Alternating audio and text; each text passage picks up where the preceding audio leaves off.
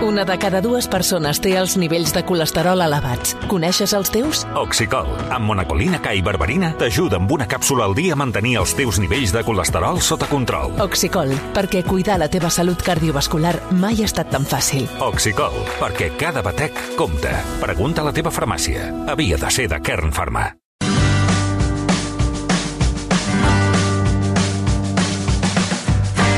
Avui a Islàndia és dijous, això vol dir que vindran les dones 10 i el degà dels periodistes divorciats de Catalunya, és a dir, Carol Saliner, Esther Pujol i Joaquim Luna, que ja venen a ser com un trio de fet a Islàndia els dijous.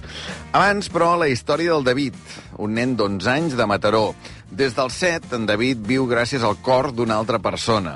Li van haver de trasplantar el cor, cosa que només han fet a 69 nens i nenes de Catalunya, és a dir, 68 i el David. L'he anat a conèixer. Hem quedat a la porta de la Vall d'Hebron, un hospital que acaba d'arribar als 1.000 transplantaments de diferents òrgans entre nens i nenes. Ja veureu que començo parlant amb el David a la porta de la Vall d'Hebron, després entrem a l'hospital, apareix la seva mare, la Rebeca, el metge que ha portat el David i també una escriptora, la Carme Martí, que s'ha passat moltes hores i molts dies a la Vall d'Hebron per escriure una novel·la, Els núvols, en què el protagonista també és viu gràcies al cor d'un altre nen o nena.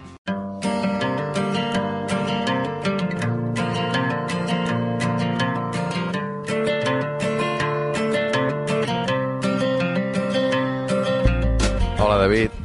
Hola. Com estàs? Bé, Em dius on som, ara? som a l'entrada de Vall d'Hebron. Què és la Vall d'Hebron per tu? La Vall d'Hebron per mi és un lloc on et poden donar una segona oportunitat, una segona vida.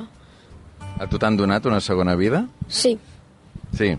Sí. Per què? pues perquè a mi de petit vaig tenir una... Alguna cosa al cor, m'han dit, no? Sí. Tenies un cor especial. Una cosa al cor que feia que la sang no entrés i sortís bé i em cansava molt ràpid. Llavors, amb 7 anys em van transplantar del cor. Et van canviar el cor. Sí, Ara en portes un altre. sí. I ara quants anys tens? Um, en tinc 11.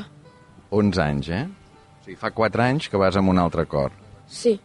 M'expliques el dia del trasplantament? Perquè això m'han dit que va molt ràpid.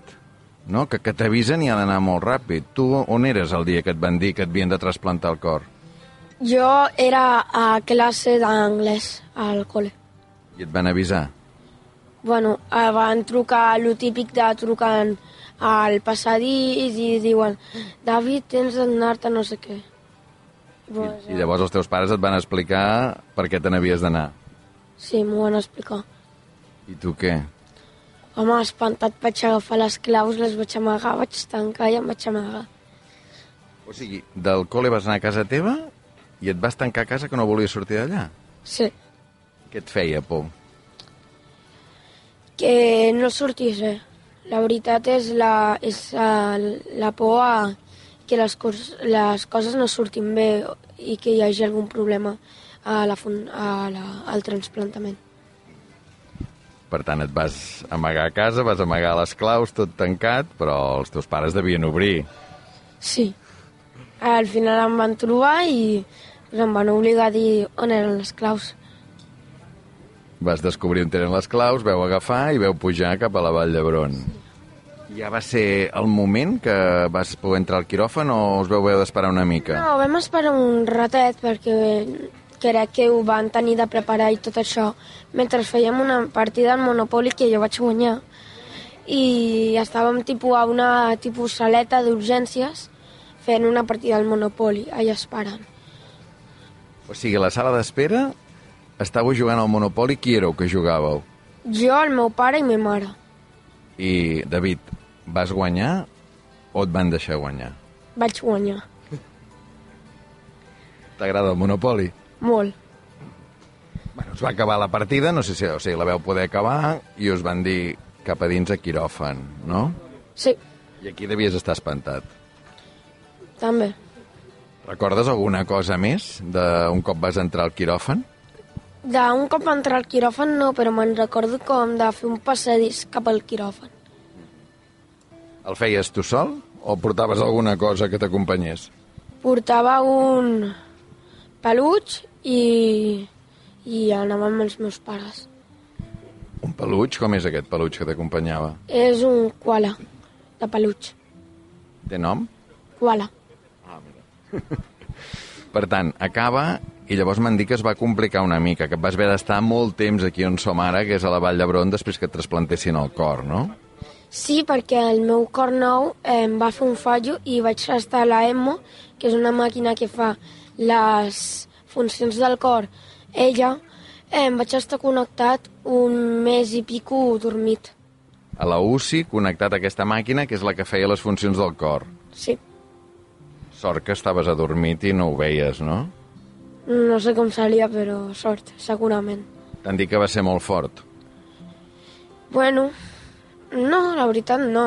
M'han dit que pues, estava dormit, amb els meus amics al col·le m'enviaven missatges, però mai m'han dit que va ser molt fort, tipus, de que com a les pel·lis de que de repent se li para el cor i tot això. David, um, clar, tu ara fa 4 anys que portes un cor nou. És estranya la sensació de tenir un altre cor? No, la veritat et sents igual que abans. Tens un altre cor, però ets el mateix David? Sí, Tu t'has preguntat mai, David, si de qui deu ser aquest cor? Sí m'ho he preguntat, però a mi m'han dit que no m'ho poden dir. Ni al, a qui van donar el cor tampoc li poden dir a qui li han donat. Clar, no es pot dir. Però t'imagines que és un nen com tu? Sí, bé, jo crec que si es trasplanta un cor a un nen, té de ser un cor d'un nen, i no d'un adult. Ara diries, David, que fas vida normal? Sí, faig vida normal. Al millor algun dia vaig aquí a Vall d'Hebron, però faig vida normal. Te'n recordes el dia exacte que et van fer el trasplantament? Mm, 27 de maig, d'abril, perdó. M'han dit que feu una cosa igual cada, cada any, aquest mateix dia, el dia que et van trasplantar, què feu? Eh, fem una partida del Monopoly i tota la família. Sigui, la mateixa partida que veu fer allà a la sala d'espera, no? Sí, I ara també guanyes tu? Moltes vegades. Escolta'm, avui t'he fet tornar a, a la Vall d'Hebron. Què sents quan, quan vens aquí? La veritat, res, o sigui, em sento normal com sempre entrant aquí i sortint. Vull dir que és un gust, suposo, venir-hi sense haver d'entrar en una habitació i haver d'estar al llit aquí que vas estar-hi tant temps, no?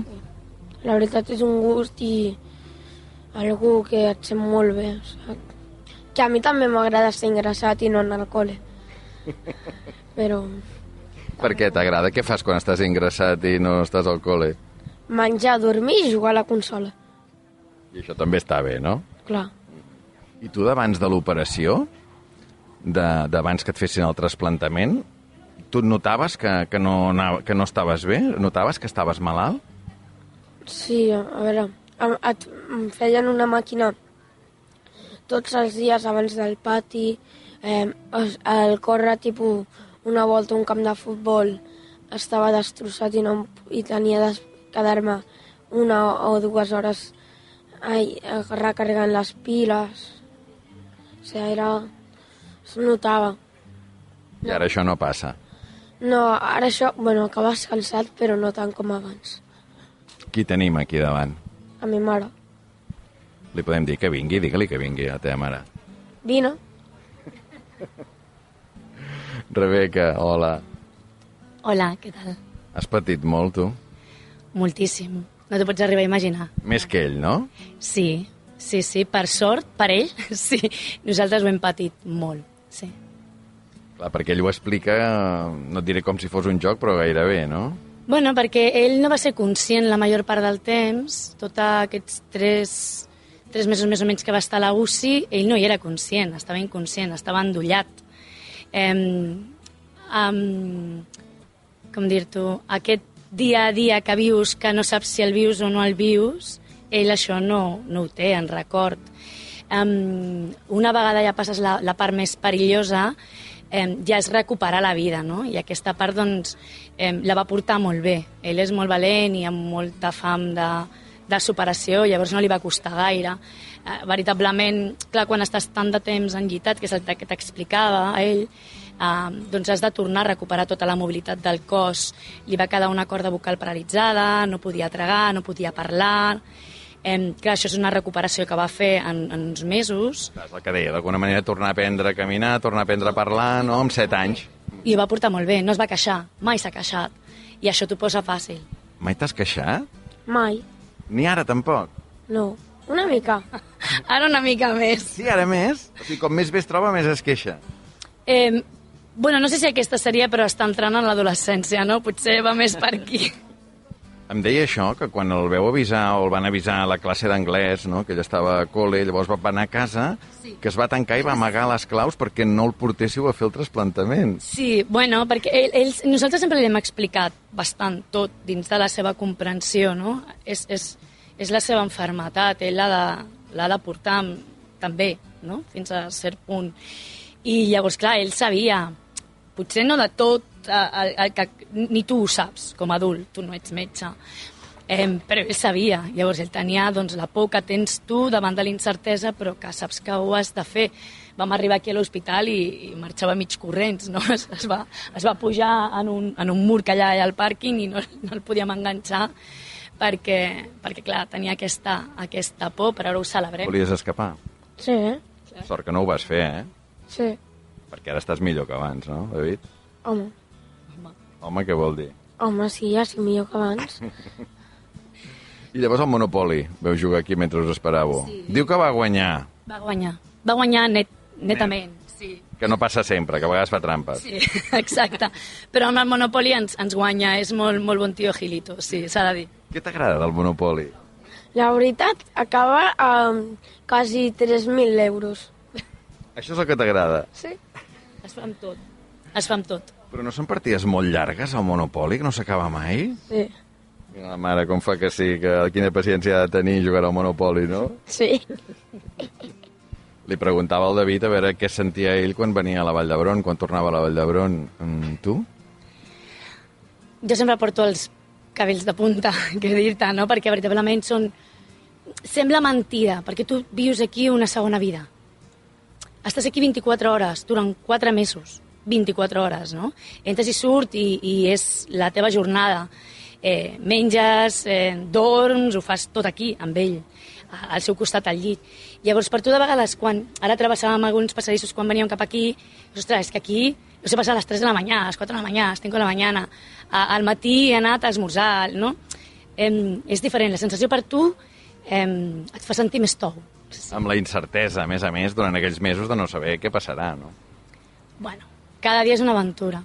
La veritat és que ara, quan veníem amb el túnel, no? I tenia la imatge de d'un moment que van trobar un atac al cervell i vam haver de córrer cap a l'escàner amb aquella màquina endollat que anava al mil·límetre, que feies un esgraó i ens posàvem a tremolar a tothom. Vull dir, això són coses que no superen fàcil. Jo vull que em presentis el... Tu te'n recordes com es deia, el, el teu doctor? Quin de tots? Ah, clar, n'hi ha hagut molts, no? A mi m'han dit que n'hi ha un molt important que es diu doctor Gran, pot ser Ferran Gran? Sí. Sí? Me'l pots presentar? Sí. Sí, entrem? Vale. Va, anem-lo a buscar. Tu diries que, que ell porta, pot portar una vida normal? Totalment, sí. Tret de la medicació i dels controls, ell porta una vida normal, fa esport, viatgem, eh, sí, té, té una vida normal. Que s'ha acabat patir? Com? S'ha acabat patir? No, mai acabes de patir. Però tenir fills és això també, no? Que tens germans? Sí. Quants? Un. Com es diu? Oliver. Quants anys té? Sis. Juga, juga a Monopoly? Bueno, és dolent. És dolent. Va, anem a veure el doctor, que si no, si no, no hi arribarem mai. Que tu per aquests passadissos saps per on vas i jo no. Sort que has de seguir aquí aquestes línies, no?, de colors, verdes i liles.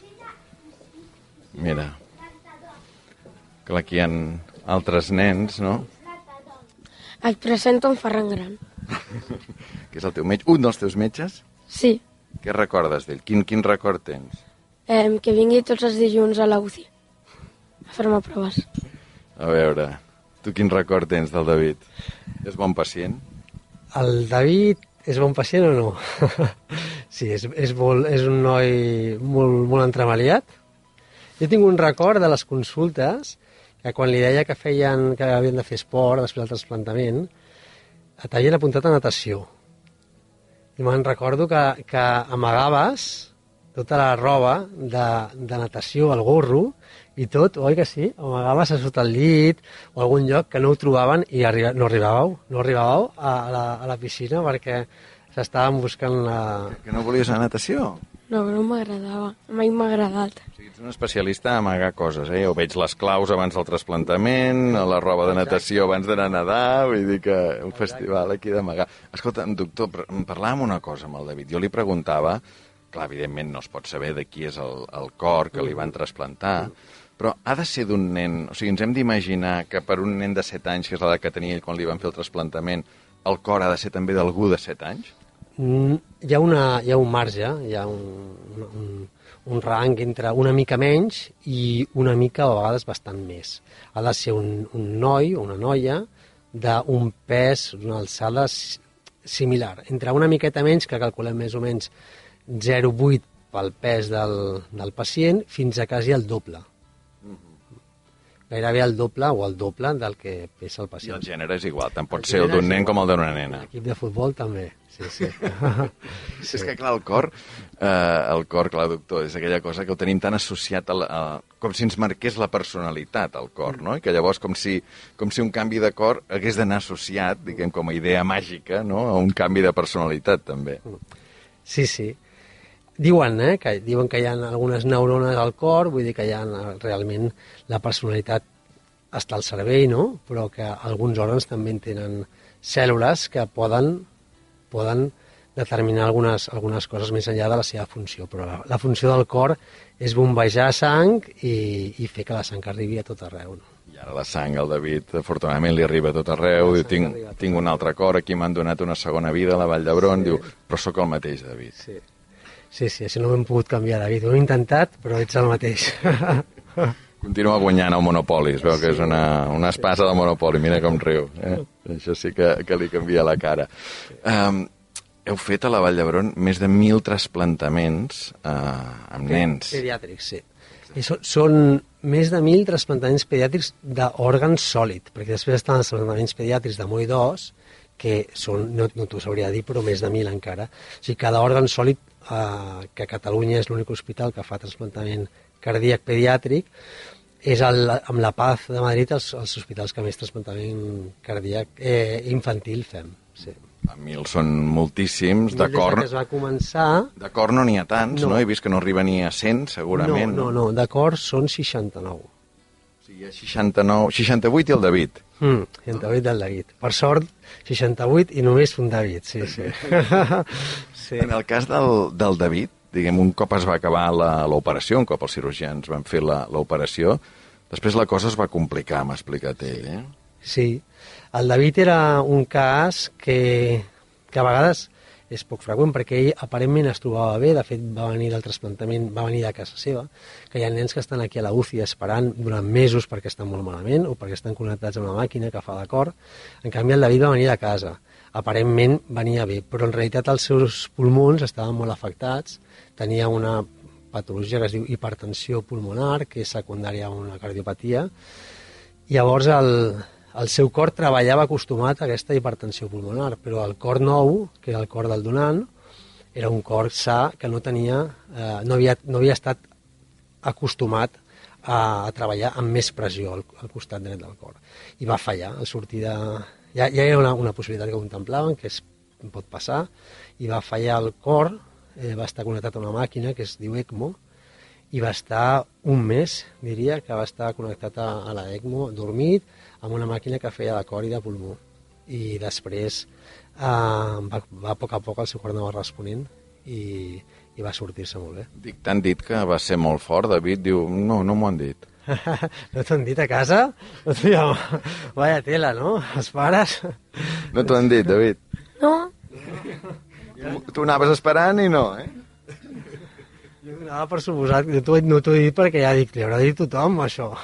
Sí, sí, va ser molt fort, eh, com tots els, aquests nens que són uns campions i les seves famílies també, sí.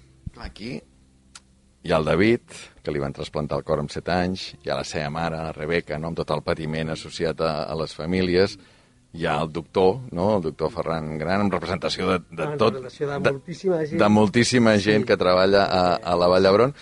Faltaria l'altra part, que és la família del nen o de la nena que es va morir va decidir donar els seus òrgans, que això és importantíssim, diguem, perquè el David el primer que m'ha dit és a mi aquí a la Vall d'Hebron m'han donat una segona vida, va ser aquella família, diguem, no? Sí, sí. El paper de, de la donació és fonamental perquè és una situació paradoxal, no? Com a societat el que intentem és que hi hagin els menys donants possibles, que hi hagi els menys eh, accidents possibles, que la mortalitat infantil sigui zero, però sempre hi ha mm, accidents i sempre, i accidents. Esperem que cada cop menys, s'ha reduït moltíssim, la, la mortalitat infantil s'ha reduït moltíssim, la donació cada cop és més escasa i tenim altres donants també, donants que tenen alguna malaltia terminal, poden ser donants. Per això, la, sempre que hi hagi un potencial donant és molt important que la família estigui conscienciada i que sàpiga que els receptors tenen molt poques opcions i qualsevol persona que pugui ser donant els està fent un, un favor molt gran. Clar, avui potser ens està escoltant algú que diu qui sap si el cor del David és el del meu fill o de la meva filla. Sí, sí, sí, pot ser, pot ser. Eh, els donants no, no, no saben d'on ve, els receptors tampoc mai saben on va i, i es queden amb la, amb la il·lusió, amb l'esperança de que almenys aquesta pèrdua que han tingut pugui servir perquè una o moltes persones puguin refer la seva vida i puguin viure, viure bé, perquè d'un donant doncs, hi ha un, un receptor de cor, de pulmó, de fetge, de ronyons... Sí que hi ha una altra persona en aquesta sala que, doctor, em vols explicar, a veure, quantes hores li has hagut de dedicar amb, amb aquesta dona que està aquí? Aquesta dona es diu Carme Martí, és una escriptora que escriu francament bé. Jo havia llegit un llibre seu que és El cel de plom. La història no, de la Neus català. Perdona, soc, eh, me'l vas donar tu quan ens vam conèixer i em va apassionar i l'he recomanat a tothom.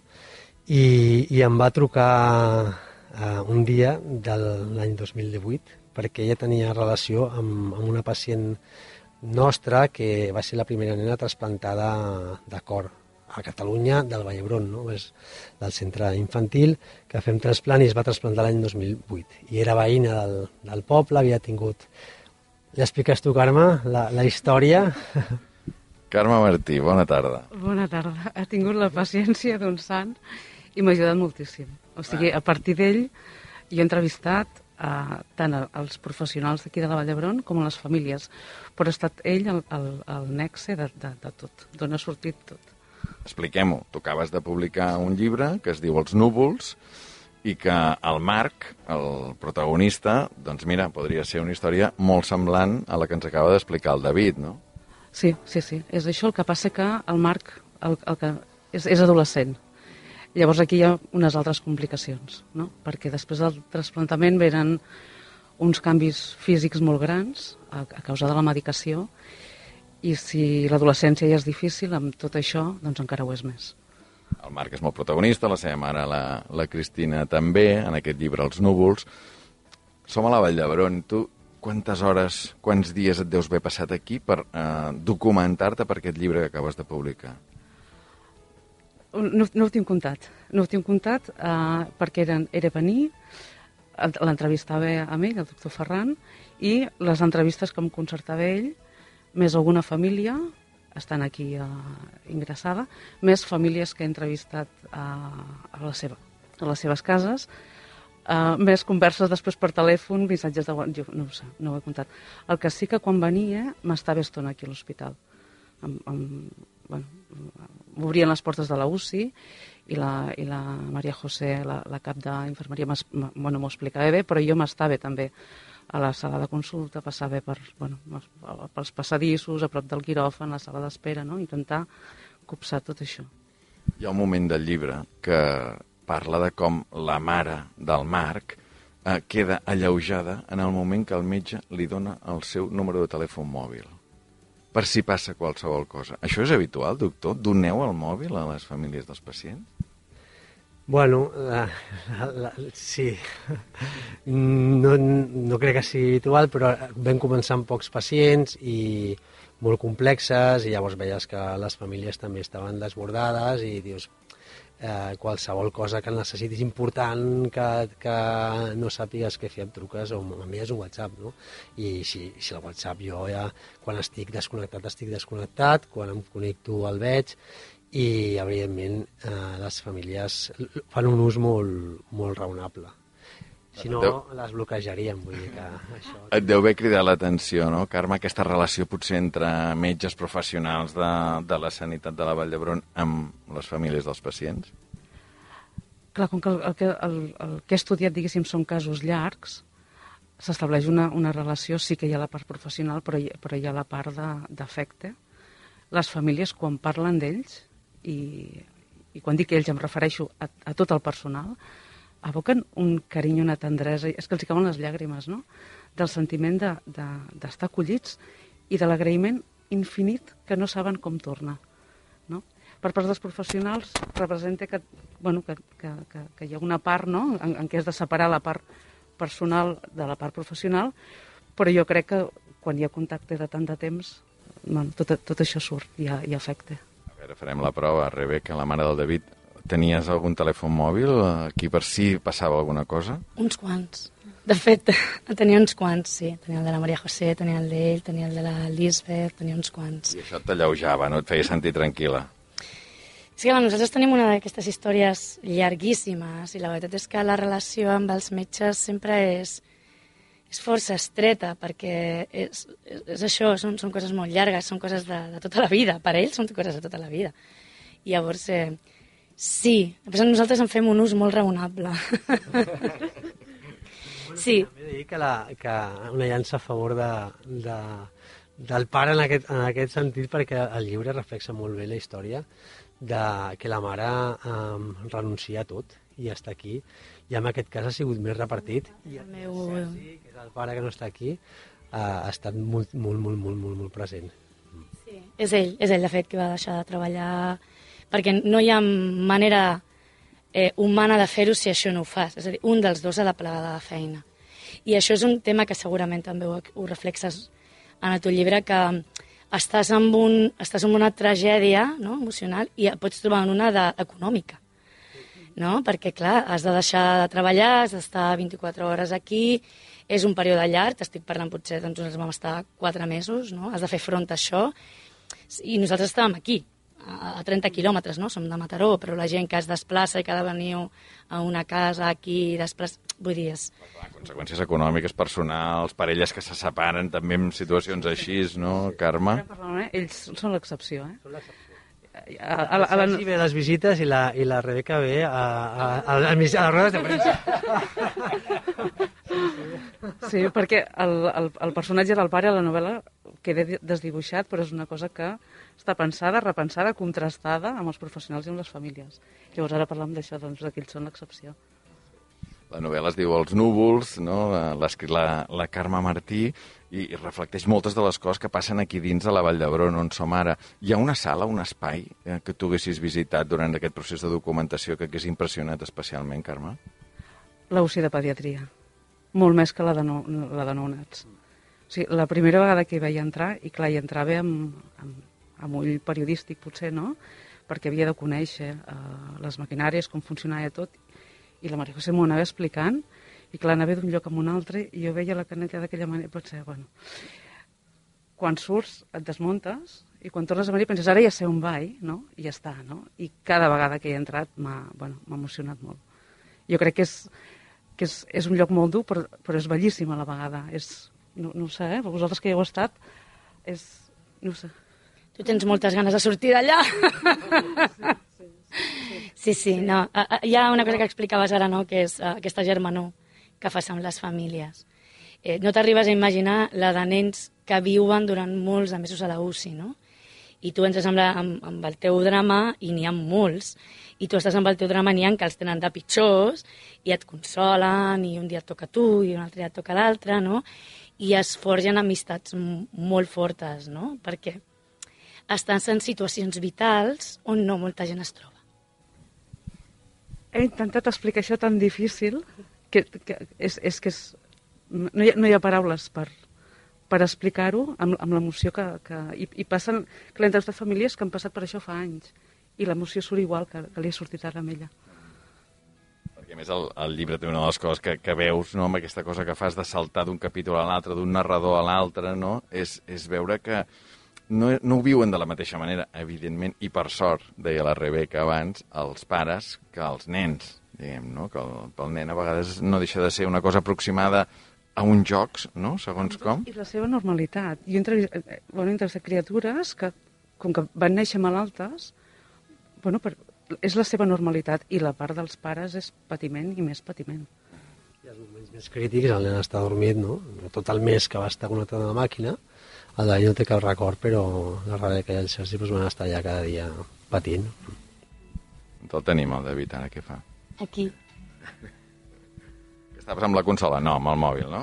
Sí. Jo et vull donar les gràcies, de veritat, perquè hagis vingut aquí, perquè m'hagis explicat un tros de la teva història, a tu, vaja, a tu i a, a tots, però sobretot a tu. De res. Gràcies, Rebeca. Un plaer. I gràcies, doctor Ferran. Gràcies a vosaltres. Tu vas conèixer la primera nena que va ser trasplantada de cor. Jo la vaig conèixer com a lectora. Jo feia unes entrevistes al Nova Conca on em feien recomanacions literàries. I la, la noia més jove de 13 anys que, que em va fer recomanacions va ser ella i em vaig quedar parada del món lector que tenia i a més també escrivia. I clar, tot això venia doncs, de tenir una malaltia congènita de cor i d'hospitalitzacions i de molt de temps així. I dos anys després va ser el primer trasplantament pediàtric. Que gràcies també a la Maria Caralto, que és la que t'envia cap aquí d'alguna manera. No? Gràcies, Carme. A vosaltres. Anem a jugar a Monopoli? Vale.